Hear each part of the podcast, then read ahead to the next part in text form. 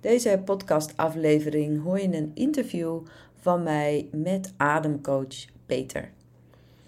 En we gaan het met name hebben over een wat intensere vorm van ademhaling, die we ook wel in Tantra workshops doen, namelijk de verbonden ademhaling.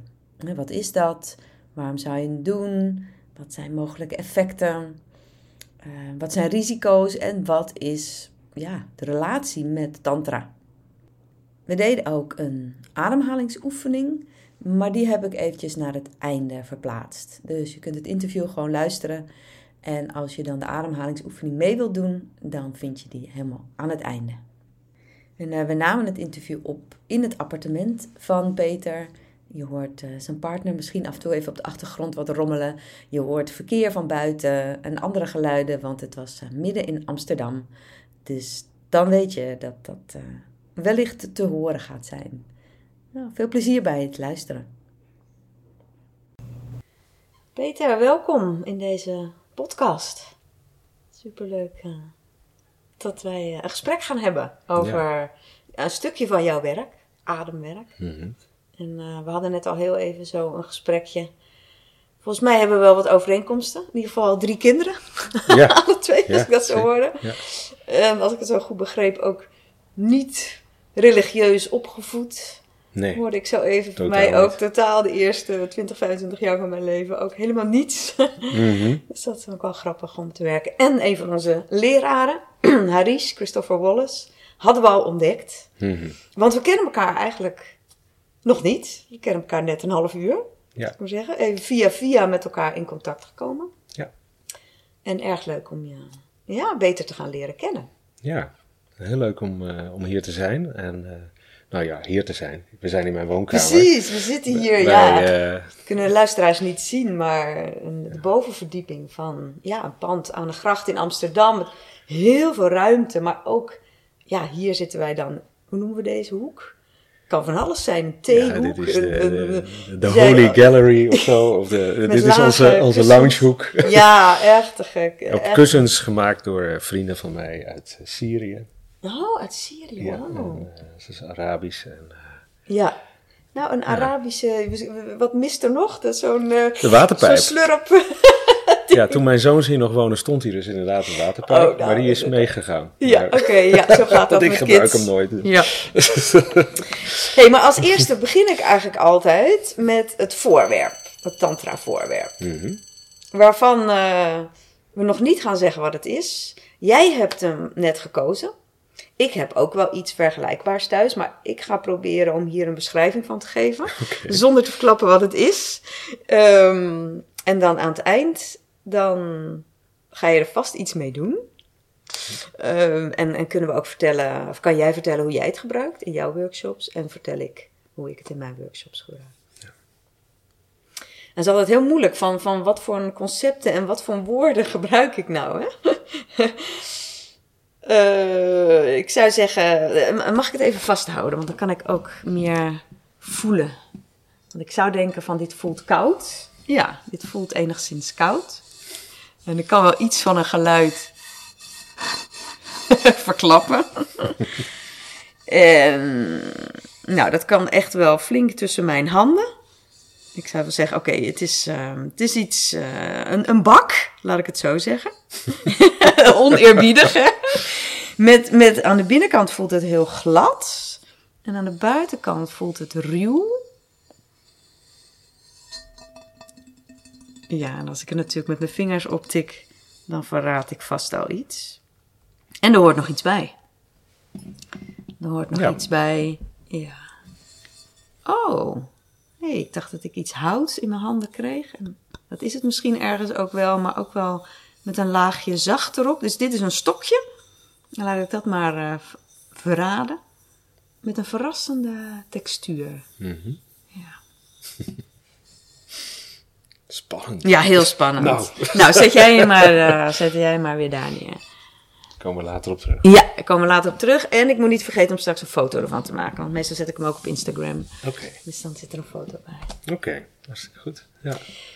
Nou, zoals we toen net al ja, een beetje over kletsten. We hebben allebei zo een pad doorgemaakt op het gebied van spiritualiteit. ook tantra, meditatie, van alles en nog wat. En op een gegeven moment kwam jij ook bij ademwerk uit. Mhm. En ja, ademwerk, pranayama, zoals het ook wel in het Sanskriet wordt genoemd, het werken met de ademhaling, zit natuurlijk eigenlijk in, heel, nou, in alle Oosterse stromingen, voor zover ik weet. Ja. Maar wel op allerlei manieren. En ik was wel heel nieuwsgierig naar juist ook de wat intensere vormen van ademhaling. Hè? Dus de verbonden ademhaling. Mhm. Ja, wat daarover te vertellen is, want eh, daar ben jij een stuk meer expert in dan ik. Ehm, al dan niet binnen Tantra, hoe daarmee te werken. Wat is het? Hoe, wat, wat, hoe werkt het eigenlijk? Mhm. Dus, Ja. Maar misschien wil jij ook vertellen hoe je erbij uitkwam. Want dat Ja, dat is misschien wel, wel mooi om, om, om te vertellen. Ja. Inmiddels een, een spiritueel pad van 24 jaar achter de rug, 24 en een half jaar. Want het begon heel plotseling, zoals ik net vertelde. Eh, ehm, eh, met mijn eerste meditatieervaring, die meteen een, een soort van ontwaking, of een, eigenlijk een, niet een soort van, maar een grote ontwaking teweegbracht. En, en daardoor een begin van het spirituele pad. Ik was toen bijna 30. En ehm, ja, dat, dat heeft een soort zoektocht, levert dat natuurlijk op. Want je wil ervaren wat je toen hebt ervaren. Of op zijn minst begrepen, begrijpen wat je toen hebt ervaren. En nou, daar volgde eh, een van de eerste boeken die ik kocht, ging over de zeven chakras bijvoorbeeld. En het andere boek wat ik kocht was een boek over boeddhisme. Eh, ik liep altijd met een grote boog om die boekenwinkels heen, maar nu eh, rende ik naar binnen om te zoeken wat ik had ervaren. Ehm, en nou, yoga, eh, ja, retreat gedaan. die gebaseerd was op die zeven chakras. Chopra was dat. die had toen daar een, een hele, hele serie van. En nou, dat was fantastisch om dat te ervaren. Ehm, en vervolgens een boeddhistisch pad gevolgd. En zes jaar geleden was ik op een, eh, op een festival, muziekfestival, wat deels ook een spiritueel festival was. Eh, en dat, dat, daar deed ik mijn eerste ademsessie bij Eva Kassor, eh, Psychedelic Breath oprichter. En dat was voor mij zo'n openbaring. Dat was ehm, een opening die ik normaal alleen ervaarde als ik een week lang op retreat was geweest. Ging eens naar Lirabeling in Zuid-Frankrijk, eh, het retreatcentrum van, van. En had ik daar ook dat, die opening en dat had ik nu na 45 minuten ademen. En ik vond dat eigenlijk zo fascinerend dat het, ja, ik denk, hier moet ik alles van weten. En de reden daarvan was ook dat ik eigenlijk al heel lang op zoek was naar de essentie van wat is nou, wat is nou het meest effectief eigenlijk.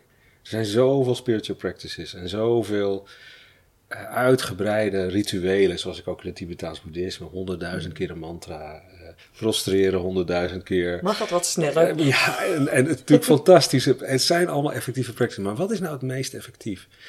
En ik vind het nog steeds ongelooflijk dat ik zo laat de adempas ontdekt heb. Van als, transformerende kracht. En eh, nou ja, dat is wat ik nu, eh nou, die zes jaar eigenlijk en bovenop het spirituele pad, door te doen, door te studeren, door eh, cursussen te volgen, door van alles en nog wat eh, te doen. En op een gegeven moment ook gewoon beginnen met een groep vrienden. Eh, wanneer was dat? Een jaar vijf geleden voor het eerst met een groepje vrienden. Laten we eens een keer een ademsessie doen.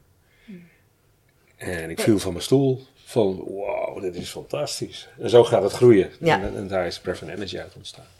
Maar voor mensen die denken een ademsessie, luister, ik adem altijd. Dus wat is een ademsessie? Is het hele leven niet een ademsessie? Ja. Dus kan jij eens beschrijven van wat is dan toch specifiek als jij een ademsessie aanbiedt Ja. of zelf doet, wat is dat dan? Ja, waar ik het nu over heb is natuurlijk de transformatieve ademen. Dus het verbonden ademen, het dieper ademen. Dat was hetgene wat me, me- me- mij op het adempad bracht.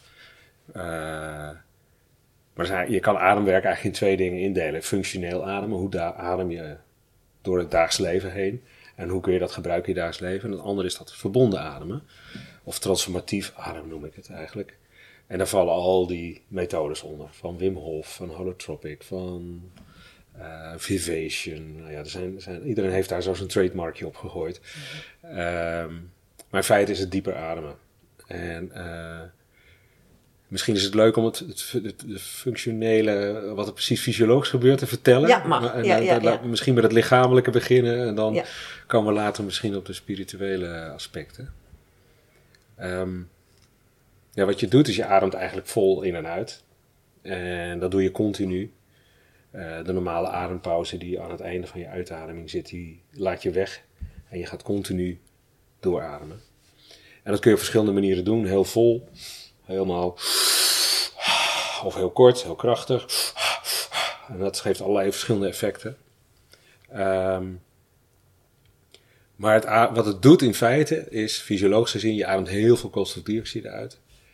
En uh, op het moment dat je heel veel koolstofdioxide uitademt, dan daalt het peil van koolstofdioxide in je bloed. Uh, er wordt wel eens gedacht, je ademt steeds meer zuurstof in, maar dat is onmogelijk. Oké. Want je zuurstofsaturatie is al 99% in je, in je bloed. Dus eigenlijk kan je bloed niet meer opnemen dan dat wat er al is. Maar het belangrijkste effect is dat je heel veel koolstofdioxide uitademt.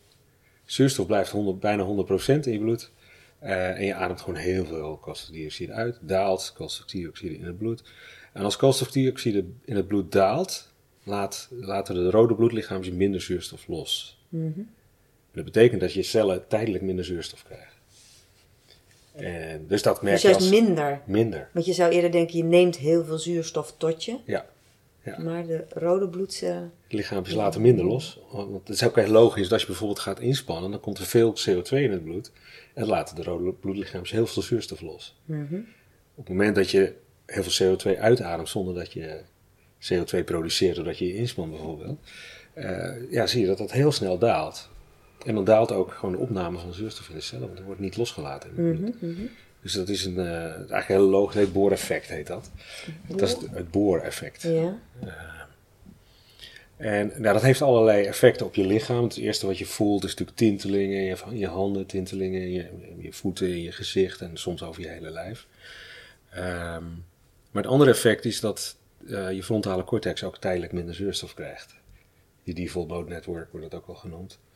En, en daar zitten we heel erg in vast, in ons denken, in ons default mode network, in onze gebaande paden in de hersenen. En zodra die wat minder actief wordt, doordat je, door dat he- heftige ademen, eh, heeft eigenlijk je onderbewuste wat meer tijd, nou, met meer ruimte om omhoog te komen. Niet tijd, maar meer ruimte om omhoog te komen. Dus het, de, wat normaal onder de pet blijft door het denken, door het, de controledrang van onze ego en ons denkende geest.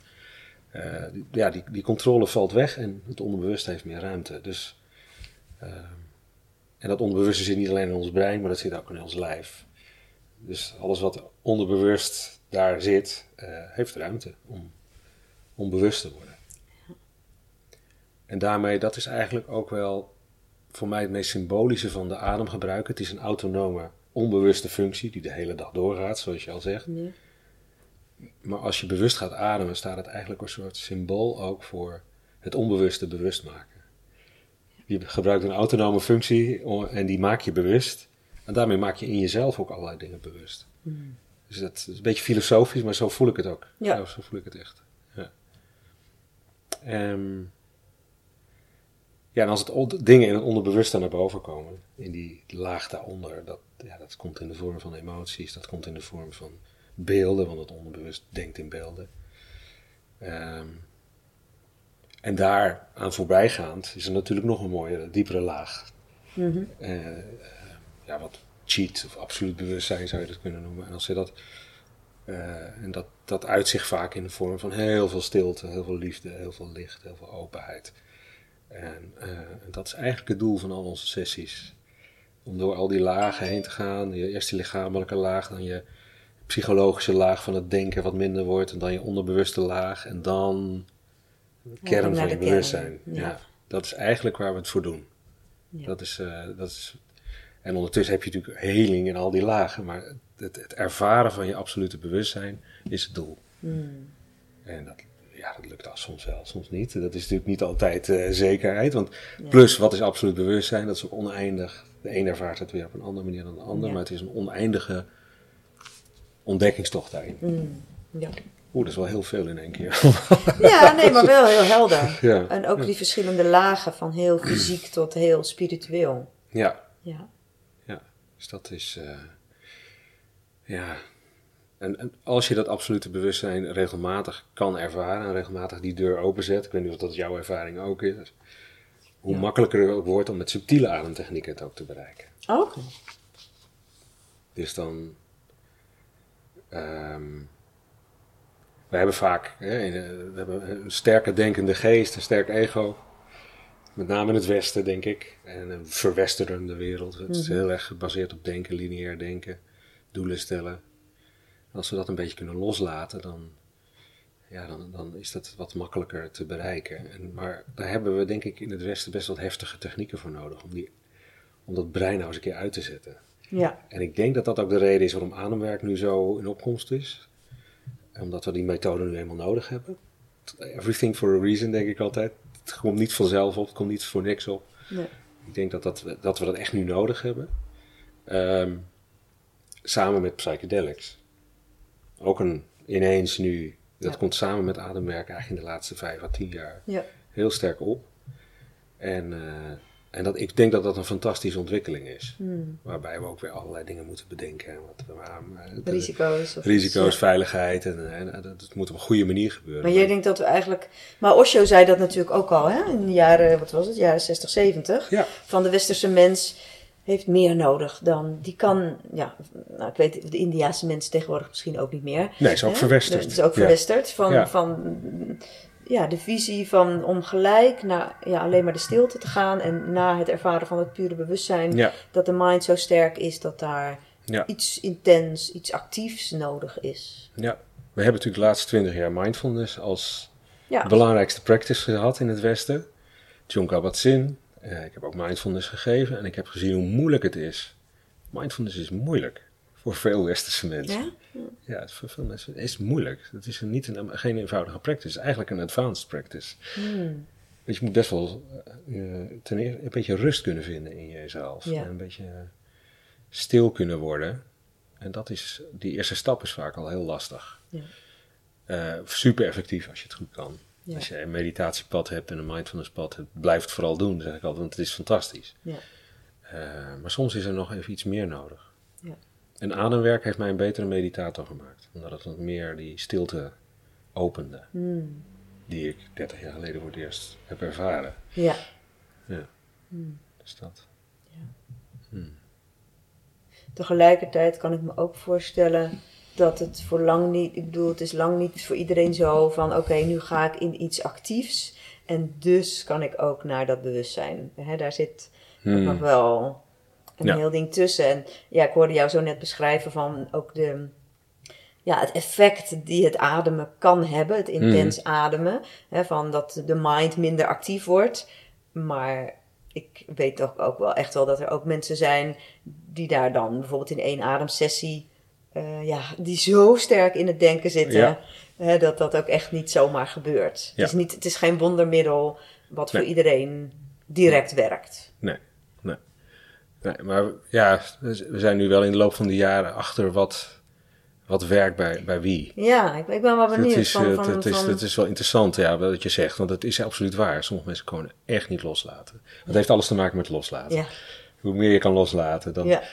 ja, dan, Wat, wat heb En- jij dan voor een Ja, het is dus bij, bij, bij, bij iedere persoonlijkheid kun je weer op een andere manier ademen. Bij de een ga je heel erg de uitademing benadrukken.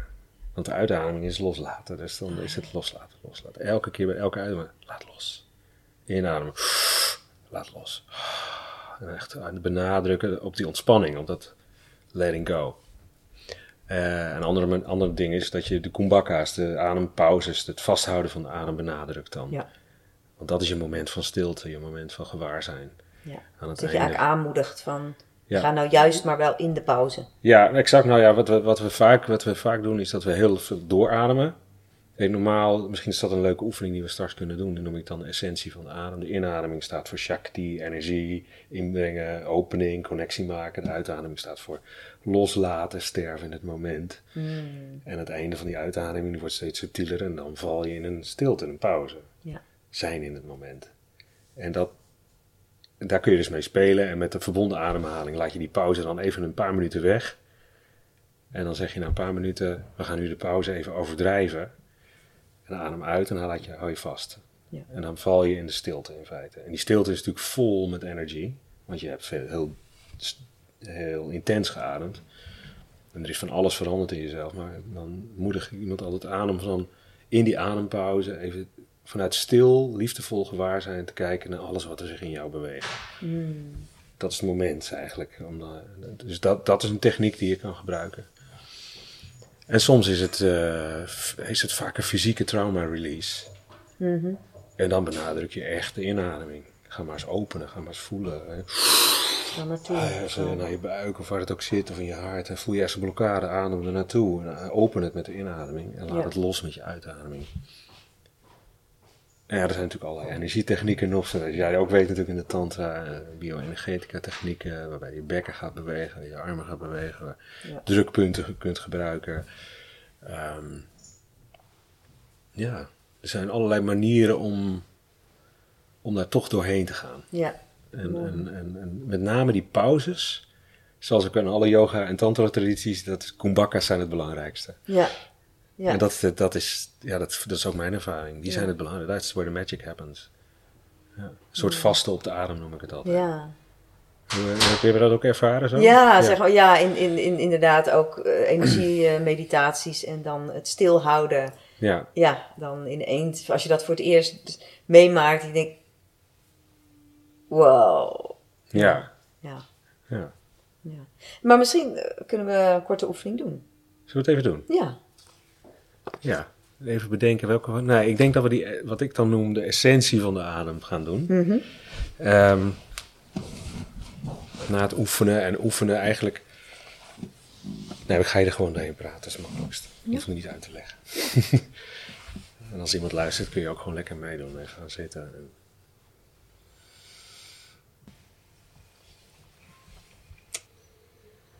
Ja, we hebben net eh, een paar minuten wat begeleid ademwerk van jou gedaan. Mm, echt lekker. ik, ik kan echt een, ehm, wat ik fijn vind hieraan, is een combinatie voelen van stilte en van levendigheid. Hmm. Je had echt zo tegelijkertijd, van de, ik voelde een enorme ruimte. En je zei zoiets van, ja, nou kan je nog een tijd blijven mediteren. Ik dacht, inderdaad. Ja. Wanneer, we kunnen hier ook nu gewoon nog een uur zitten. Ja. en tegelijkertijd ben ik niet dood. Ik voel me ook heel levendig. Ja. En dat is wel natuurlijk wat in Tantra ook zo samenkomt. Ja. De Shiva en de Shakti, Juist. het stille bewustzijn. En tegelijk de levendigheid. En die komt dan denk ik toch wel door ook dat stukje verbonden ademen. Ja. Maar het kan ook gewoon per adem. Ja, als je de inademing ziet als Shakti, als energie, als opening, kan het ook heel subtiel. Je kan je levendigheid, je focus behouden eh, op die inademing. En het is ook zo mooi dat ik, vanuit het Tibetaans boeddhisme is het ongelooflijk overeenkomst met de Tantra. Hmm. Eh, er is een boek, de Lamrim. Drie dikke boeken over eh, meditatie. uit de Gelugpa-traditie. En ik geloof het tweede deel, die heb ik ooit een keer helemaal gelezen. Dat gaat alleen maar over die balans tussen focused attention en open awareness. Zoals dat daar dan genoemd wordt. Maar volgens mij komt het rechtstreeks van Shiva en Shakti. Andere naam. ja. Denk ik. Want het is, toen ik later erachter kwam van, oh, daar staat Shiva en Shakti voor. Het is exact hetzelfde als Ja. focused attention, zoals ze het dan al noemen, en Shiva open, open awareness. ja. Het is een andere manier van benoemen, Ja. en, het- maar ik vind dat fantastisch om dat, om dat dan te merken dat er zoveel overeenkomsten zijn en dan ook nog dat kunnen voelen. En, eh, Ja. ja.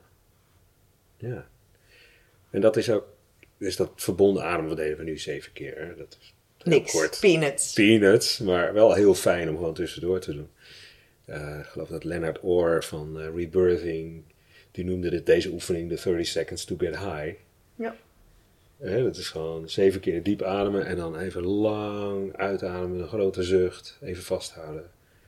Dan ben je meteen uit je hoofd en je bent meteen even in space. Dus laat even je gedachten los. Je voelt heel veel in je lijf, zoals je al merkt. En ja, dat is, eh, dat is heerlijk. Dus je bent energiek en tegelijkertijd uit je hoofd. En het grappige is, bijna iedereen die bij mij komt voor een één op één sessie of een, duur, of een groepsessie zou ik eens vragen, waar kom, waar kom je nou voor? Ja, ik wil gewoon dat die monkey mind eens uitzetten. En ik wil eens gewoon wat meer voelen. Hmm. Dat is ook zo, jouw pad ook begonnen is, eh, begreep ik net. Ja. Van, ik, wil, ik wil gewoon eens wat meer in mijn lijf, wat meer voelen. En wat minder denken. Ja. Je noemt, je noemt nu ook eh, groepsessies en individueel.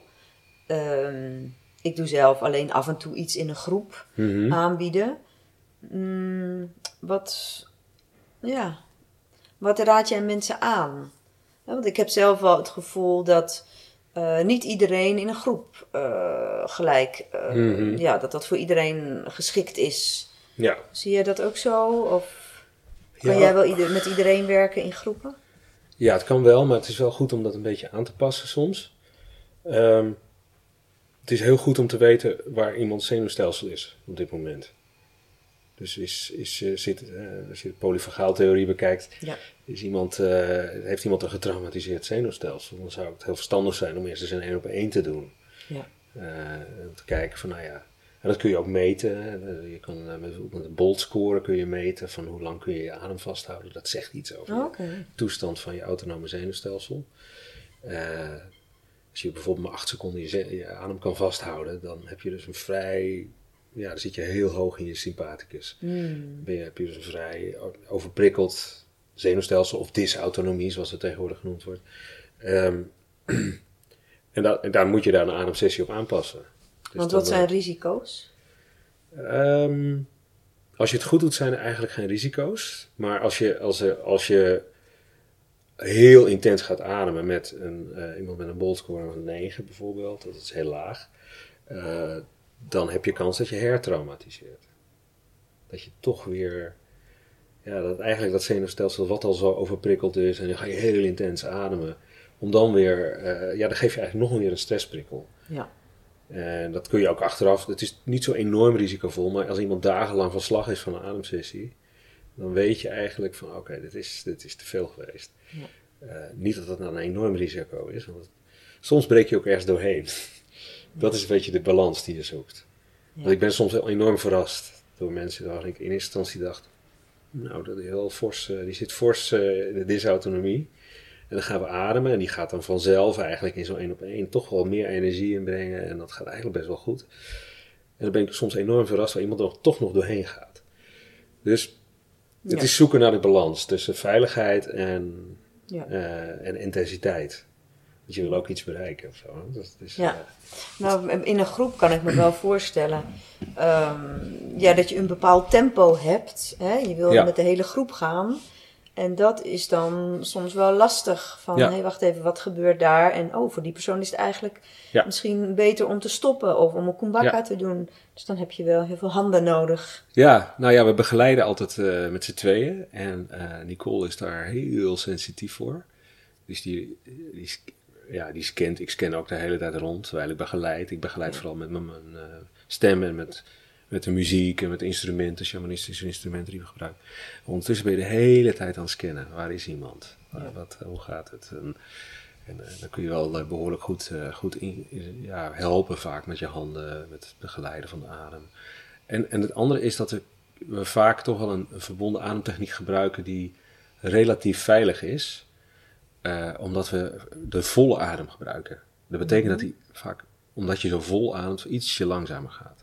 Dus dat, als, In plaats van een hele snelle bedoel je dan. op die manier. Dus echt zo'n eh, zo'n bijna perfecte cirkel van in- en uitademing maken.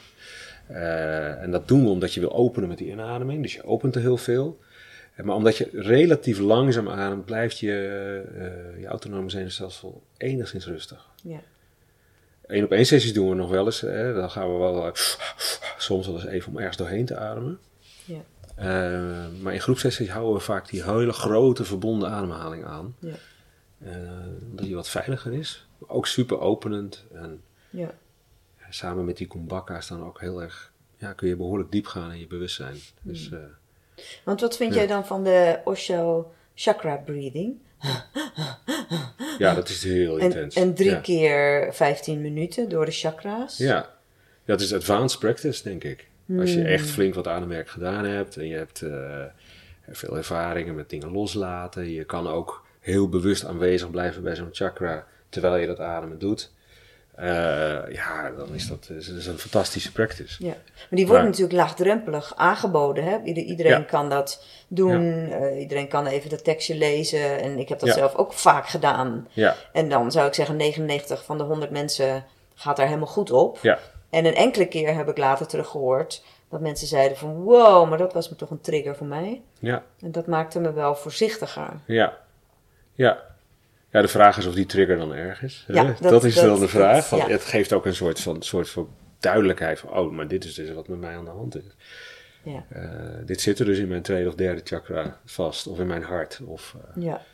eh, Ja, zij, daar zij, loop ik zij dus tegenaan. linkten het, linkten het echt aan, aan de ademhaling. Ja, Dat dat too Ja. much was.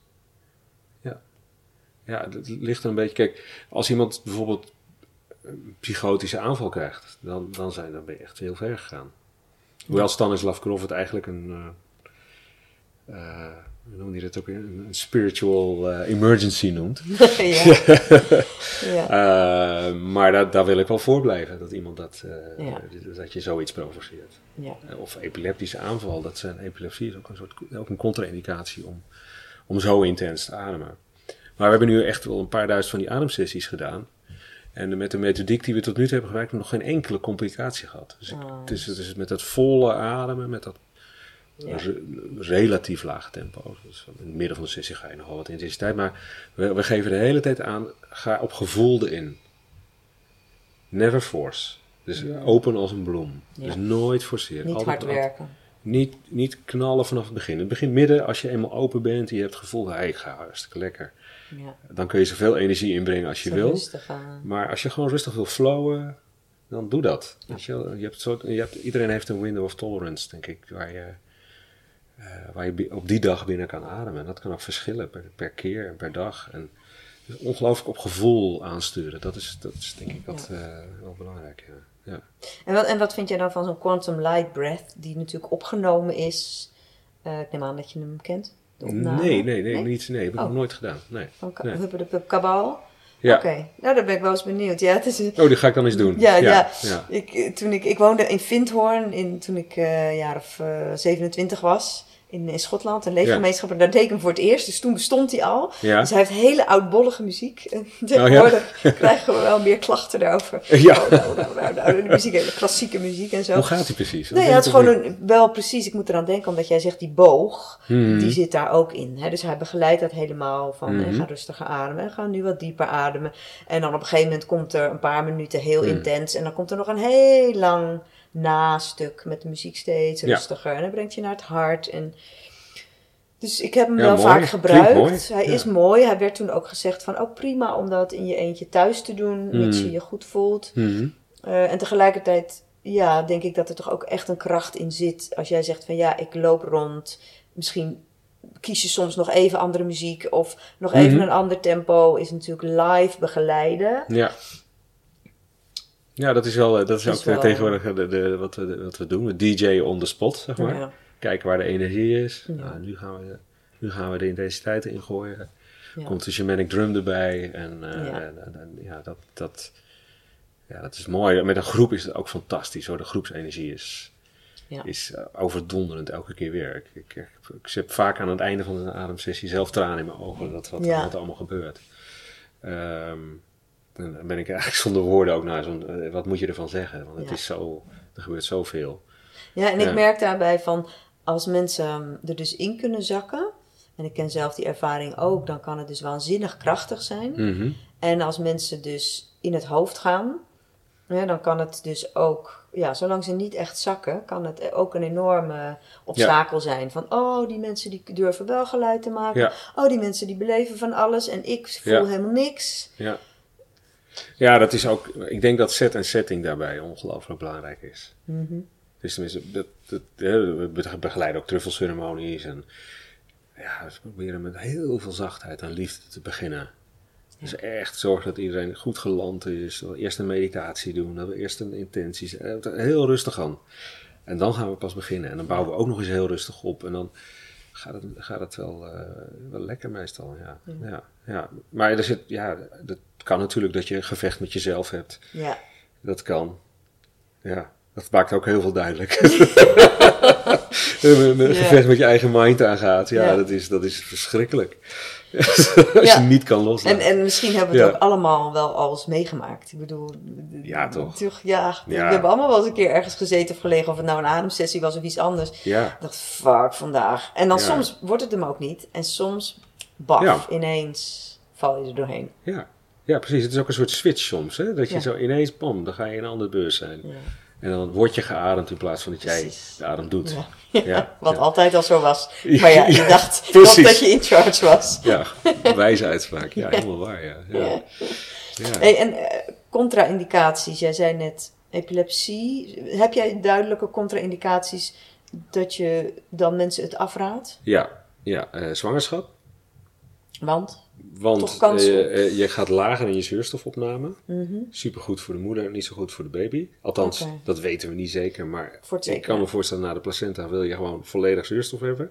Dus dat Mhm. zou ik niet doen. Eh, als iemand zwanger is, dan doen we wel ademsessies. Maar dan gaat iemand gewoon 50% inademen. Dus heel rustig mee in de energie van de groep. Dat, zou, dat kan wel, maar dan moet je heel duidelijke instructies geven. Ja. Eh, en dat doen we, dan, doen we dan alleen als iemand al heel ervaren is met ademwerk. Als iemand voor het eerst komt ademen en is zwanger, dan zeggen we, nou, ga niet mee in een groepsessie. Doe dat niet. Nee. Want je weet niet precies waar je limiet ligt, wat 50% voor jou is. Dus dan niet. Dus zwangerschap is een, een hele duidelijke eh, ja, epilepsie, psychose, eh, ernstige angststoornis, als je daar op dit moment in zit. Ja. Ook geen heftige ademsessie doen. Er zijn er prachtige andere downregulating technieken die je kan doen. En dan ga je eerst dat eens een tijd doen. Ja. Eh, zoals die meditatie die we net deden bijvoorbeeld. Als je die eens gaat doen, dat is supergoed tegen, tegen eh, angst, anxiety. Dat je, als je lang rustig uitademt, leert in die pauze te zijn, in die stil te zijn, zonder in paniek te raken. Dat zijn al supermooie technieken. Ja. Dus dat, ja, dat, is, eh, dat zijn er nog meer. Depressie is een indicatie. Een hele duidelijke indicatie. En, Want? Hoe gaat? ja, ik, wat, we, wat we doen is eigenlijk. Ik ben eigenlijk een hele mooie theorie tegengekomen. Dat heet die Entropic Brain Theory. Mhm. Gebaseerd op eh, onderzoek naar psychedelics, hè, onder andere. En Imperial College heeft daar heel veel over, eh, over gepubliceerd. En ehm, waarbij je eigenlijk het soort onderliggende mechanismen van bijna alle ehm, psychische en psychiatrische aandoeningen ziet. En dat heeft te maken met dat default mode network.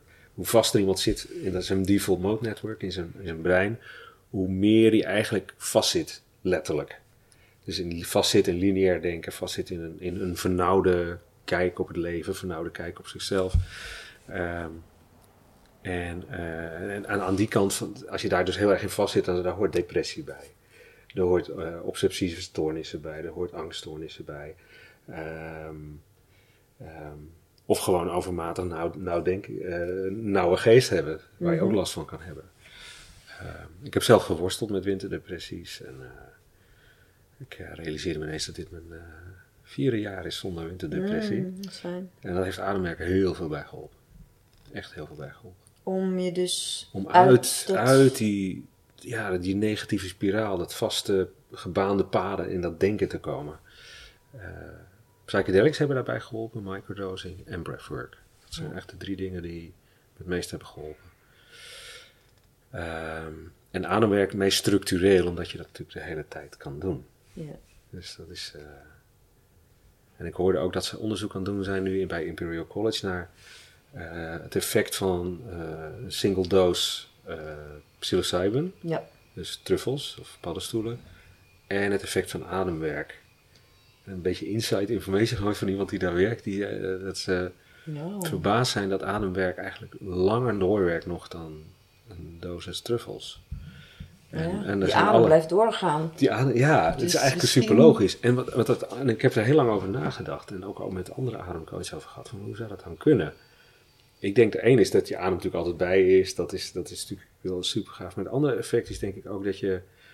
Het is heel empowerend om, eh, om, het- om het zelf te doen. Het is niet iets wat je neemt, maar als je zelf ademt, dan denk je, hey, maar ik heb het helemaal zelf gedaan. Precies. Ja. En patient empowerment, ik was vroeger fysio, is een van de belangrijkste dingen. Dat je de kracht in jezelf vindt om te helen. Ja. In plaats van dat je het denkt dat het komt door een stofje wat je Ja. van buiten afneemt. Dus dat, daar zit denk ik ook iets van, eh, van het effect in, van ademwerk. Ja. Maar nou is er ook nog in ieder geval in mijn leven de, de tantric practice. En dan met name ook de klassieke tantra en de meditatie. Want als ik je nu zo hoor, dan zou ik bijna denken van... Nou, ik neem wat, ehm, wat eh, psychedelics en ik doe af en toe een ademsessie. En dan word ik gewoon verlicht. Hmm. Was dat maar zo makkelijk. Ja. Nou ja, Ja. maar waar zit dan... Hmm. Ja, hoe, hoe kijk je daar dan tegenaan? Van, van, is, Oh ja, weet je, ik, ik vind die... eh, ik zal je vertellen hoe ik op de klassieke tantra ben gekomen. Dat is met een omweggetje eigenlijk, maar ik vind het zo waanzinnig mooi. Ik vind het zo waanzinnig mooi. Ik heb het boek Radiant Sutras hier ook nog liggen. De VBT is het eigenlijk, hè? Nee, dat is een andere. Mm. Oh nee, wacht. Oh, de Ja, Radiant een Sutra is die andere. Ja, oh, ja, ja je hebt ook nog Recognition Sutras. heb je ook nog. Ja. Ja. Nou ja, voor degenen die het allemaal niet kennen, dat zijn Ja, alle sutras. alle, alle, alle prachtige teksten die nog bewaard zijn gebleven. Er zijn er nog veel meer die niet bewaard zijn gebleven. Ehm, ja, heel in het kort. eh, Nicole en ik hebben vaak eh, gemeenschappelijke meditatieve ervaringen. Eh, als wij ons voorhoofd tegen elkaar doen, dan schieten we in een soort meditatieve staat waarbij we heel veel dingen gezamenlijk zien, zelden zien. En een daarvan was een, een, in onze ervaring toen een Shiva Shakti Union, waarbij we van alles zagen wat daarop duidde.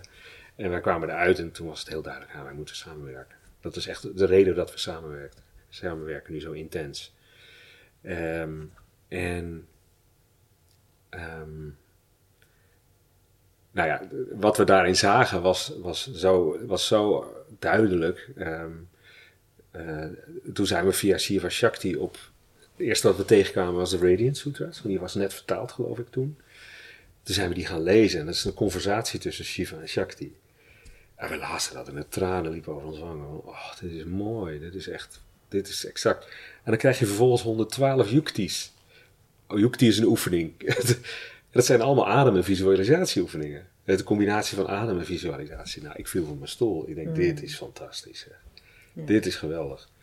En via die Radiant Sutras, die kwam ik op Christopher Wallace. Bleek dat een vriend hem al volgde. Dus eh ook een ademcoach die ik goed ken. eh, Koen uh, Brinkgeven, goede vriend van me. Die, eh, die volgde hem al. En nou ja, zo ben ik ook hem, hem gaan volgen. En ja, het mooie is, het is allemaal adem en visualisatie. Het is allemaal adem en awareness, adem en gevoel. En Ja, ook nog wel een heleboel zonder ademhaling hoor. ook zonder ademhaling, ja. precies. Nou ja, je ademt wel, maar Ja. zonder daar de focus op. Ja, het zijn hele praktische, Praktisch oefening. praktische, ja, ook, ook nou ja, ze zijn heel, heel eh, gevarieerd, die 112, maar een heleboel zijn er ook heel praktisch. Ja. Een van de mooiste vind ik eh, de still point of the heart. Om daar vanuit. Mm, Dat is dus het, het- het- dat je je gewaarzijn dus brengt vanuit je hoofd naar je hart. Ja. En dan gaat proberen alles om je heen gewaar te zijn. Vanuit, je hart, vanuit stilte, vanuit de stilte van je hart. Ja, dat is een waanzinnig mooie practice. Ja. Ja, die is ook nog elke dag. Dat is echt eh, op dit moment. Ja, Dat is nu mijn, eh, mijn, een van mijn belangrijkste practices.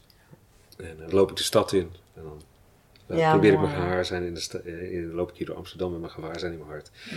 En dan alles zo te bekijken. Ja, dat is prachtig. Ja. Ja, want wat dat betreft denk ik dat, nou ja, Tantra biedt gewoon heel veel eh, tools om met alle dingen in het dagelijks leven om te gaan. Hè, dus Ja. je kunt natuurlijk in psychedelics en in ademwerk kun je in een bepaalde staat komen. Je kunt dingen, misschien ook Mhm. oude pijn, een stukje helen. Mhm. Ehm, maar vervolgens heb je natuurlijk ook het dagelijks leven Ja. waarin je weer van alles tegenkomt. En Ja. voor de meeste mensen is het een vrij lang pad Ja. voordat ja, ook de triggers zachter worden en je eigenlijk steeds meer en meer in een zachtere staat kunt zijn van acceptatie en rust, Ja. waarin alles er is. En Ja. ja, zelf geloof ik ook wel dat er ja, naast de dingen die jij noemt, een hoop technieken zijn die voor, ja, die voor mij in ieder geval wel een soort van noodzakelijk bleken. Mhm. Ja, van hoe ook omgaan met emoties. Van oké, ik raak geïrriteerd door mijn partner.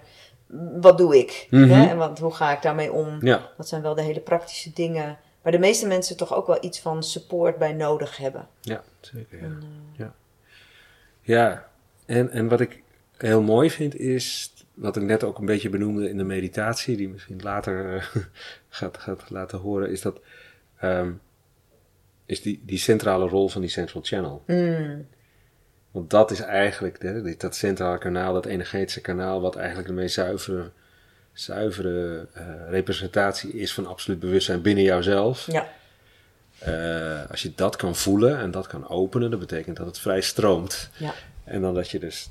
En, en dan het gaan expanderen. Dan het gaan all-inclusive maken, zeg maar. En dan bete- ja, dat betekent dat all-inclusive betekent ook dat alles er mag en mag zijn. En dat geeft zoveel rust. mm, Maar het is ook wel intens. Er is zo'n dan, sinds ik daarmee bezig ben, is het ook wel... Er is niets anders meer mogelijk dan truth. Hmm. Dat is best wel hard. Maar ook mooi! Ja, het is prachtig, maar het is ook... Oh, heftig. In welke zin daarvan? Nou, als je altijd truth spreekt, dan is het Ja. niet altijd even leuk voor anderen. Nee. Eh, En ook niet voor jezelf soms. En ik, ja, had ik dat nou, ah, moet ik dat nou zeggen? Hè, moet dat nou nu? kan het niet later? Eh, of ja, het is, ik vind het wel intens, ja. En ook. Meedogenloos. Ja, m- nee. Nee, Nee. Nee, nee, nee. Nee, meedogen. Oeh, nee, dat is wel... dat is hier te hard. Nee, compassievol eh, waarheid, ja. Ja. Ja. Maar ook compassie wel naar jezelf hoor. Van nou, ik heb nu al zoveel truth bombs in mezelf gevonden. Hmm. Ik stop dit proces heel even een tijdje. Ja. Ik ga gewoon eens even lekker leven en gewoon kijken hoe het zit. Ja, dat heb ik echt bewust vorig jaar een keer gedaan. Ja. Er kwam zoveel. Dat ik, nou, nu is het even genoeg. ja, dat is ook wel mooi. Ik stop even. Ja. Ja. Gewoon compassie naar mezelf. En ik heb mensen om me heen die, die, eh, die echt eh, zeggen: de laatste die verlicht is, is de sukkel. die gaan ervoor. En die zitten alleen maar de hele dag in truth, truth, truth, truth, truth. En dat is wel intens. Dat is wel. eh, Ja. ehm, ja, daar is het ook oppassen hele van dag in waar is proces het, met elkaar. Weet je? waar is het ja. niet gewoon ego dat ehm, een prestatie wil leveren. Ja, dat wordt precies. Ja, dat is een beetje, dat is wel een beetje voor de grap zeggen. Dat wel zo het laatste die verlicht is. Dat, dat slaat natuurlijk helemaal nergens op. Want iedereen heeft zo zijn eigen pad. En, maar dat is meer voor de grap dat, dat, dat, dat ik dat benoemde. Maar Ja. ehm, ja, het moet, het moet Uiteindelijk geen, doe je toch geen niet zelf, hè? Dus dat is Het ligt natuurlijk toch de grote... Ja, de, nou ja, de paradox is van... De, nee, er zijn zoveel paradoxen. Een van mijn podcasts heb ik, Ja. zeven paradoxen, geloof ik. Maar er zijn er nog veel meer. Van de ene kant kan je Oh, zeggen... Kijk, je, je bent al thuis. Je bent Ja, al thuis, dus je hoeft niks te doen. Ja, Maar ja, is toch ook niet helemaal waar? Want ondertussen, als je niet uitkijkt, Ja. dan raak je toch weer steeds helemaal verstrikt. ja, En dan ga je toch dingen ja, doen, tussen aanhalingstekens. Je laat dingen gebeuren. ja. Maar of je uiteindelijk in een totaal bevrijde staat komt, ja, Mhm. that's grace. Het laatste, Ja. weet je, je kan van alles doen. En Ja. of het wel of niet gebeurt, is niet aan jou. Nee, Want, het is niet aan jou. nou ja, It's grace. ja. It's grace. Dus dat is Ja, een en al ja. paradox. Dus ondertussen Ja, eh, heb ik ook maar zo van, nou ja, ik geniet er ook maar gewoon van. En soms geniet ik er ook even niet van en dat is ook goed. ja precies. En tegelijkertijd voel te ik- genieten. Voel ik wel gewoon een enorm verlangen om ontwaking. uiteindelijk vlak voor de dood toch wel te kunnen zeggen... Oh, ja, ik snap het. Ja, ik begrijp waar het allemaal over ging. en ik ben vrij. Ja, ik ben vrij, ja. Oh, vrij is het woord, hè? Ja, Freedom. bevrijding. Ja. Ja, bevrijding. Ja, dat is voor mij ook een heel erg groot kernbegrip. Ja, freedom. Ja. En niet, Vrij en voelen om alles gewoon te laten zijn. Shit dingen, mooie dingen. Precies. Volledig jezelf te kunnen zijn Niet, in elk moment. moreel, ehm, hoe zeg je dat? In, in Neo-Tantra zou je ook kunnen denken bij bevrijding van, nou ja, alles kan. Ik bedoel, ik Nee, voel tegelijkertijd nee, ook een grote bedoel. zorgvuldigheid in mezelf, naar andere Ja. mensen, naar mezelf. Ja, Dus dat is het niet, maar dat komt een soort van nature, ja, van nature op. En niet omdat, wat je natuurlijk bij religie wel kan hebben, dat het een soort van buitenaf opgelegd wordt van zo hoor jij je te gedragen. ja, Maar dat, dat heb ik niet, heb ik ook nooit gehad. Maar ik voel gewoon echt vanuit mezelf ja, toch een natuurlijke neiging om het, het goede te doen. En wat Ja. het goede dan is, ja. ja, dat, dat zal niet iedereen dan misschien altijd als goed beschrijven. Maar voor mij voelt het dan wel. ja. Ja, Anyway, Voor we waren mij- heel veel afgedwaald. nee, nee, dit is Nee, juist, ik vind het wel de kern. Oké, goed zo. Ik vind het wel, eh, ja, wel heel mooi. Ja. Hmm. Want dit is, dit is eigenlijk waar het om gaat, is dat je in het dagelijks leven je volledig vrij kan voelen zonder dat je anderen schaadt. Ja. En als je dat, het, de indruk van anderen is dat je ze schaadt, is dat hun probleem. Maar jouw intentie is dan zo zuiver dat het, ja, dat is dan niet meer jouw probleem. En denk dat, dat daar zit de vrijheid volgens mij van, ja, ik doe volledig vanuit het liefde en vanuit mijn hart wat ik doe. En eh, ja, of het gewaardeerd wordt of niet, dat is dan maar een tweede. Nou ja, maar en ik ben daarmee gelukkig. ook vrij, Ja. ongeacht de omstandigheden. Ja. Ik lees nu een boek, ehm, hoe heet hij? Frank. Nou ja, iemand die vier concentratiekampen heeft overleefd. En dat op een hele Oh, psychologische. Ja, op een hele Oh, mooie psychologische manier beschrijft van Ja, hoe ging dat dan met al die mensen? Waar waren mensen uiteindelijk mee bezig? ja, En hij zei ja, en er waren toch een paar mensen die, die zich vrij voelden. ja, Het waren maar een paar. ja. Maar het, het In kan. de allermoeilijkste Het- omstandigheden in de er allervreselijkste omstandigheden. Ja. En een van de dingen die hij, schreef. dus. Ja, ja, dat beschrijft hij. Hij houdt het heel bescheiden, vind ik. Dat hij dat Mhm. niet heel groots maakt. Nee. Maar hij zei wel, ja, op een gegeven moment zag ik dat er. Ik, ik, mijn realisatie was, er is lijden. En er zit niets anders op nu dan dat lijden. Ik zeg het niet helemaal goed. Maar zo goed mogelijk te doen. Dat is dan nu maar mijn taak. Ja. Wauw, ja, ja, ja, ja, ja. Ja, ja. het lijden zo goed mogelijk te doen. Ja, ja, het is niet helemaal het goede Nederlands. Ja, maar ja, maar het is prachtig. Ja, dat is- Om- eh, ja, ja, die diepe acceptatie van, oké, dit is nu wat er is. En ik, Ja. er is niets anders te doen dan, ja, dan dit maar te ondergaan. ja. En wat en waar, in mijn ervaring, waar wordt dat dan door verva- vervangen? Mhm. Alleen maar liefde. Ja. Het is eh, op het moment dat ik, dat ik volledig kan accepteren dat het shit is. De laatste jaren een aantal dingen meegemaakt, die mee, gehoord, die echt heel heftig waren. En, en ik wist dat ik, dan ging ik alleen lopen in de duinen. Pak de trein eh, vanuit hier Amsterdam, dan ga ik even lopen in de duinen. En als ik er helemaal mee kon zijn, Mm. dan was het liefde. Ja. Switch. Het, het is zo, Zo, zo, bizar. Het is Weer zo zo'n paradox van, Zolang ik het niet je- wegduw, is het ineens liefde. ja, Dan zie je ineens dat eronder eigenlijk gewoon een wens zit om, om connectie te maken, om lief te hebben, om één te zijn met de grootste klootzak in je leven. Of eh, dat je eigenlijk één bent. Eh, ja, dus dat, ja, ja. ja. Da- Daar, daar, daar doen we het voor. Al die gekke tantra practices. en ademen. En ademen en wat af en toe een, een middeltje nemen. Ja, ja, ja. Ja. Ja. Yes! En dansen. Dansen, bewegen. Ja, muziek is natuurlijk ook een Geweldig. waanzinnig cadeau. Geweldig. Ja, ik ben een totale muziek gek. Ja. Ook in de ademsessies. Eh, elke week vind ik weer nieuwe dingen en mooie dingen. En, eh, Mm. ja, daar kun je zo over. Ja, Ja, het is prachtig. En ik maak ook muziek. Oh, En. Ja, dat is fantastisch. Ja. hey, zullen wij terug naar eh, het voorwerp gaan? Oh ja. Wil je hem erbij pakken? En eh, ja.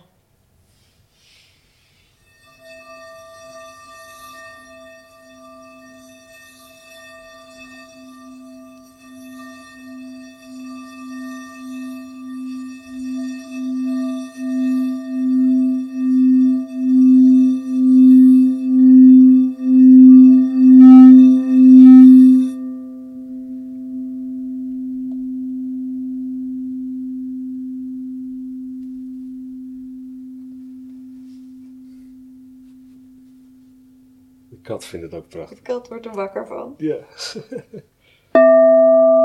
Pracht. Ja, dit is een eh, kristallen soundball.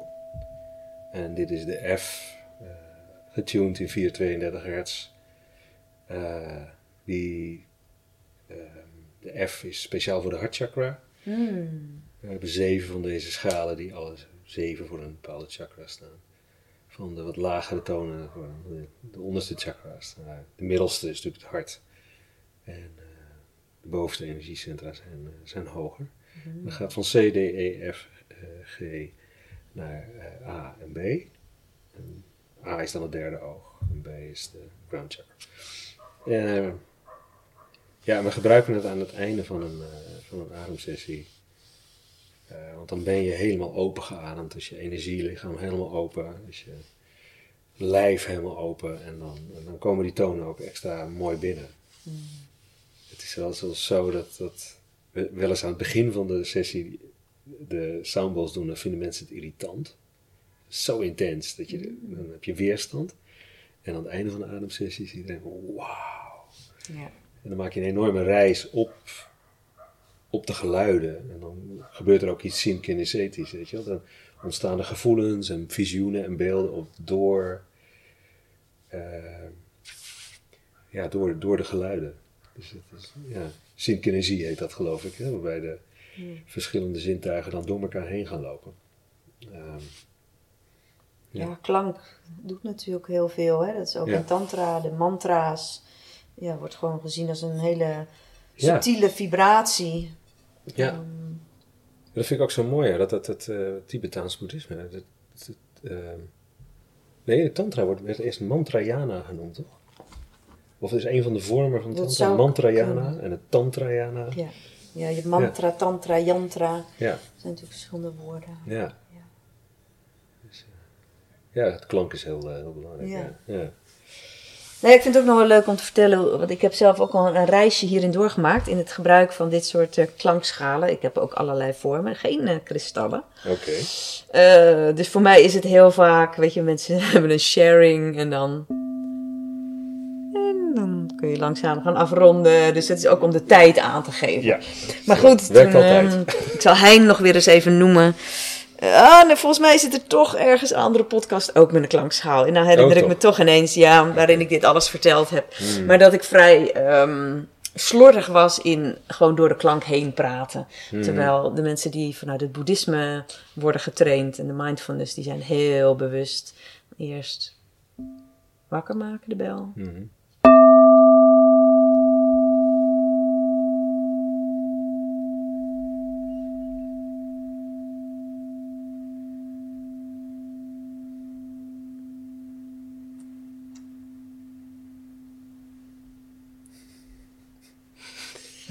Duurde heel lang. Ja. Duurde heel lang Ja, bij deze kristallen. En dan dus niet door de klank heen door praten. Ja. Ja. Ja. Ja. Dus daar moest ik een beetje in opgevoed worden. Ja. Dat, eh, Ja. en de afgelopen retreat gebeurde het me toch nog wel een keer dat ik het deed en dan vergat en dan... Ja. Maar goed, daar kan ik ook wel weer om lachen. Maar ja. ja, mooi. Het kan op allerlei manieren gebruikt worden. En ik vind het zoals jij hem deed, hè, met, met, hoe noemen we dit ding? Het stokje. Stokje. Ja, het stokje eromheen. En dat Hm. lukt niet altijd bij alle klankschalen. Om het Nee, zo bij die mooi metalen niet altijd. Ja. Nee, Nee. maar deze is echt heel mooi. Ja. Goed. Hey, we zijn alweer ruim eh, een uur eh, aan het kletsen. Zo. Ja. Kan jij nog eens voelen of er nog iets is rondom het ademwerk? We hebben één ding niet aangestipt, ehm, wat ik nog wel een klein onderzoekje naar had gedaan, van in hoeverre de verbonden ademhaling dus in de klassieke Shaiva Tantra terugkwam. Mhm. Ik had even een eh, oproepje geplaatst Ja. in, eh, Ik heb het gelezen. in de groep van Harish. Ja, nou ja, zo gauw je het woord neotantra noemt in die groep, dan eh, gaan er altijd ook wat haartjes overeind staan. Van, ehm, dus daar komt altijd wel wat reactie. Daar kan Mm. ik tussen wat tegen. Ehm, in zijn algemeenheid vanuit de Shaiva-traditie leek het inderdaad alsof iets als een verbonden ademhaling niet herkend wordt als een techniek uit Mhm. die tijd. Mhm. Ehm, waarbij ik zelf even een theorietje heb gemaakt dat de Indiase cultuur, als het gaat om emoties, ook niet echt met releases of zo werkt. Hè? Dat dat vrij ingetogen is. Ja. En daar zou ik het dus wel zo van een beetje uit kunnen verklaren. Ja. Ja maar er werden wel, eh, je hebt de tekst ook gezien, er werden wel andere bronnen genoemd. Over het algemeen werd het gezien als iets toch van de laatste decennia ontwikkelingen. Absoluut. Meer voor het westen, eh, meer in het westen opgekomen dan in het oosten. Mhm. Maar heb jij daar nog een, een toevoeging? Nou, ik denk, zoals wat we in het begin ook benoemden, is dat, het, dat, dat, dat, dat- wat jij benoemt is ook heel interessant. Het, het, wij, wij zien die catharsis of die, die uiting van die heftige emotie als een vorm van therapie. Eh, en, eh, maar het kan ook veel subtieler gaan. Hè? Dat hoeft niet altijd die catharsis te zijn. Nee. Het kan ook gewoon. Het, eigenlijk, in mijn optiek, waar het om gaat, is awareness, awareness, awareness, awareness, loving awareness. En wat er allemaal binnen gebeurt, dat kan heel intens zijn of heel subtiel, maar het gaat uiteindelijk om dat absolute bewustzijn, dat stilte, die, die awareness. En ik denk dat, dat heel veel van de Shaiva-tradities veel subtieler zijn. En eh, daar ook op richten, op dat awareness, op dat Shiva consciousness. Ehm, En eh, ja, die intense practices, die werden natuurlijk wel door de Tibetaanse monniken gebruikt, de Tumo. Ja. Eh, zou wat trouw- ook een tantrische traditie is, Ja. overigens. Eh, Dus, ehm, Je zou trouwens denken, de, de, de, de volgers van Kali, die moeten Ja. toch ook af en toe hun... eh, ja, die komt regelmatig langs in de sessies bij ons. Ja, het is dat kan eh, toch- de dat kan toch niet alleen maar, eh, ja. stil te zijn. Maar Nee. ja, Nee, Harish maar- teacht ze in ieder geval niet. Nee, nee, Ja. nee, maar de verbonden adem is misschien ook weer een heel specifieke techniek. Maar full yogic breath is gewoon een pranayama techniek. Die, die ook heel vol is. En eh, misschien niet zo intens als bij verbonden ademhaling. Maar Kapalbhati kan ook super intens zijn. Ja, Eh, dat weet is je, waar. dat is ook fire breath. En, er zijn wel wat intense technieken. Dat is waar. die ook al hetzelfde soort mindstates oproepen als bij, bij verbonden ademsessies. Dus ik denk, uiteindelijk effect is hetzelfde. Ja. Eh, maar we hebben nu de verbonden adem in het Westen, die, als we die goed geven, ook super openend kan zijn. Maar eigenlijk als ingang naar subtiele technieken. Ik denk op een gegeven moment, Ja. als je heel vaak verbonden adem doet, heb je die diepe ademhalingstechnieken eigenlijk nauwelijks meer nodig. Kun je veel subtieler gaan werken. Mm. Als je Dus een eenmaal wat, wat rommel hebt opgeruimd in je central channel, of die is eigenlijk, die, daar zit geen rommel, maar eromheen Ja. in die chakras hebt opgeruimd, wat oude trauma's, dan, en het kan wat vrijer stromen, dan kun je veel subtieler gaan oefenen, denk ik. Mm. Dus misschien hebben we het nodig, denk ik. Ik weet het niet zeker, maar ik, ik, ik weet dat het effectief is. En, Ja. en als we maar weten welke, vanuit welke tradities we wat zeggen, dat we niet van alles door elkaar heen gaan gooien. Op het ene moment ge- gebruik je een westerse verklaringsmodel, zoals dat booreffect. Ja. En op andere momenten heb, gebruik je een energetisch verklaringsmodel, zoals het Tantra, Shaiva Tantra. En Mm. als je maar weet waar, vanuit welke traditie je spreekt op dat moment. En het moet geen rommeltje worden. Ja. Dat, dat, althans, ja, dat probeer ik zoveel mogelijk te vermijden. Ja. Maar, maar wel de invloeden van allerlei eh, practices bij elkaar te nemen. En, Ja. en, en gewoon eerst zelf mee practice en dan, eh, nou oké, dit, dit is een mooie, mooie combinatie. Mm. Vanmorgen wat ik zelf heb gedaan in mijn ochtendpractice is Kapalbhati, verbonden adem, full yogic breaths en, eh, en heerlijk bewegen erbij. Eh, eh, weet je wel, dat je met de, eh, de slangachtige beweging daarbij terwijl je zit. Ja. adem, kumbhaka's. En dat heb ik gewoon een soort, dat doe ik tegenwoordig wel meer, een soort free-flowing practice van gemaakt. Ja. Waarbij ik gewoon voel, oh ik heb nu dit nodig en dan gaan we dat doen. Mm. En dan wordt het heel shakti, dan wordt het gewoon een soort dans op de adem. En, Ja. en dan even een Shiva moment met ademretentie en zo. Ja, dus als je het vaker gaat doen kun je er zo mee spelen. Ja, dan is het ja. ook prachtig. Ja. ja. Ik weet niet wat Harishi van vindt, maar hij kan toch niet bestaan. Daar gaat het toch niet staan. nee. Ja, ik vind hem wel heel subtiel in zijn mening. Soms ja, soms niet. Ja, Ja. ja oké. Ja. ja. ja, Hij vindt dat je neotantra en klassieke tantra niet kunt mengen. Maar dat vind ik van wel. dat vind ik ook. Ja, Ja, dat vind ik ook. Als je dat zuiver kan en doet en weet vanuit welke traditie je spreekt, precies. is het toch prima? Ja. Oh, ik had het idee dat hij dat wel oké vond. Eye-gazing en zo en die dingen. toch niet zo? Oké. oké. Ja. Ja, ja. Oké, laten we het afronden. Ja. Ehm, onder de, de aflevering staat wat informatie over jou. En je, hebt, je, we hebben best wel wat vaktermen gebruikt. ja. Dus misschien kan het goed zijn, hè, Kapalabhati, dat we even een kleine uitleg geven van een aantal dingen die je genoemd hebt. Ja, Dat, eh, dat is wel een goed dat idee, is ja. misschien wel een goed idee. ja. Ik probeer wel even wat te benoemen, maar waarschijnlijk Ja. zijn er wel dingen doorheen geklipt. Maar het is goed, ja, dan zetten we dat even onder. Ja. Ja. ja. misschien ook wat bronnen. Ja. Ja, dat is goed. Ja, Dankjewel. En eh, ik kom zeker nog een keer een ademsessie eh, doen hier in deze ja ik omgeving. wil heel graag een sessie bij jou een keer doen. Ja, heel leuk. superleuk. Ja, ja, Alright. dankjewel. Dank je. En hierna hoor je dus nog de ademhalingsoefening die je mee kunt doen. Zorg natuurlijk wel dat je op een plek bent dat je zo'n oefening op een veilige manier kunt doen. Dus bijvoorbeeld niet als je in de auto zit. We gaan eerst een hele subtiele doen en dan gaan we even een verbonden ademhaling doen met die lange kumbhaka aan het einde.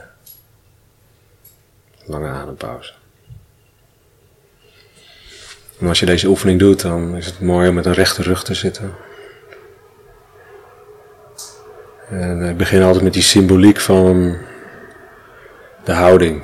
Die meditatiehouding is echt heel symbolisch. Want het gaat altijd over balans tussen focused attention, dus focus, alertheid. En die rechte rug staat voor die alertheid.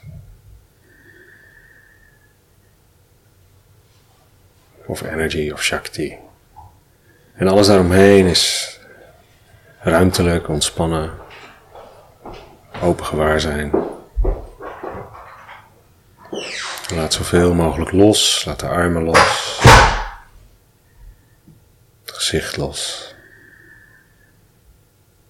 En binnen die ruimtelijkheid stroomt er een rivier, de rivier van je adem.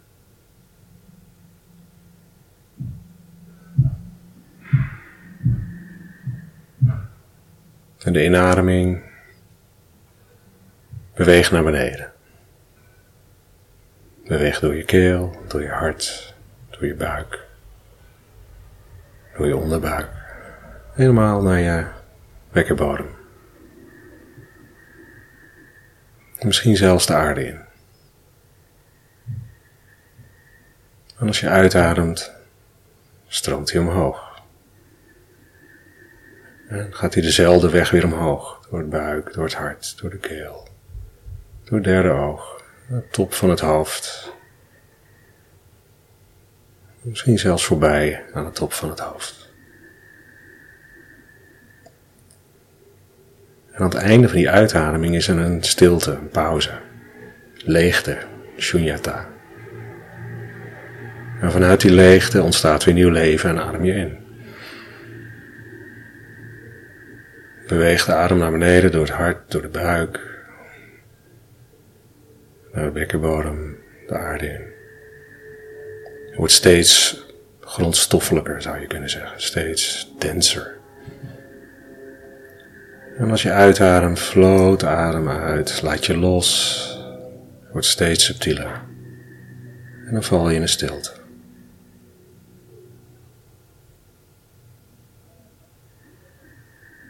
Terug naar de bron zou je kunnen zeggen. En vanuit die bron ontstaat weer nieuw leven. Adem in energy, shakti, prana. En opent het hart, de buik, de bekkenbodem. Maak connectie, brengt energie in en uitademing, laat je los, sterf je in het moment. En aan het einde van de uitademing ben je in het moment.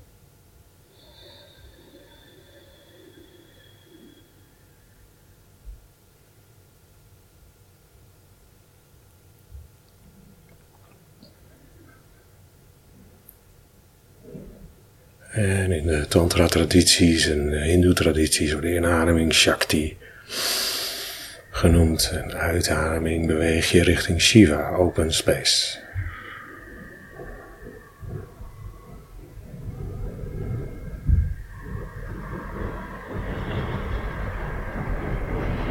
Zo kun je je afstemmen op het op hoe het leven eigenlijk werkt. Alles is space en energy. Energy in space uit.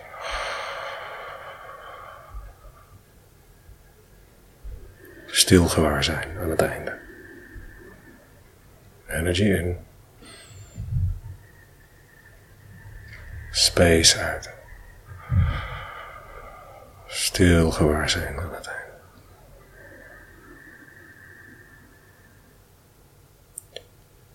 En nu een verbonden ademsessie, heel kort. Zeven diepe inademingen en los. Zonder pauze. Diep in. Drie. Steeds meer vullend.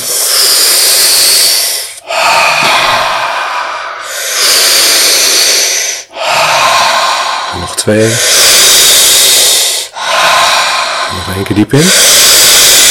Adem helemaal leeg en hou vast. Vol in die ruimte, in die stilte.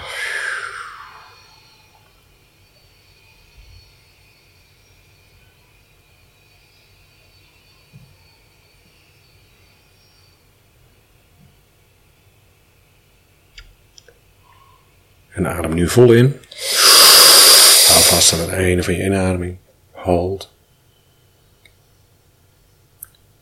En nu is het mooi om te focussen op die middenlijn van je lichaam, die central channel. Vanaf je bekkenbodem. En dan langzaam de energie omhoog te laten stromen naar je derde oog.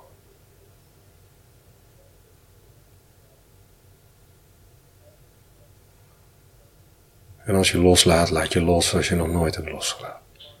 Ah.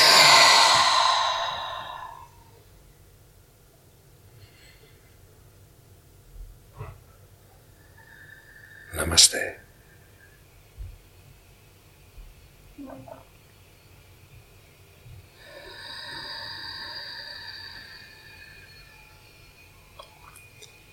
Dan kun je nog heel lang in die stilte mediteren. Iedere keer weer loslatend op de uitademing, energie inbrengend op de inademing. Awareness in de pauze.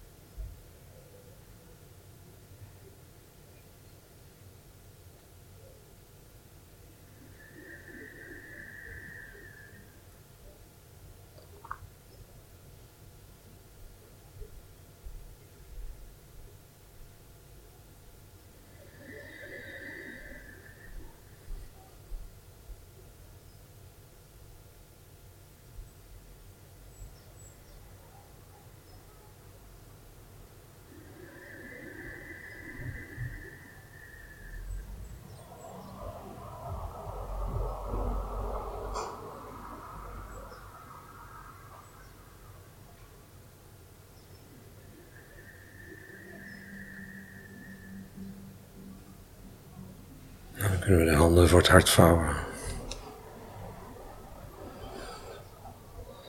May we practice out of love for ourselves, the desire to know the truth, for the benefit of all beings. Om. Hmm.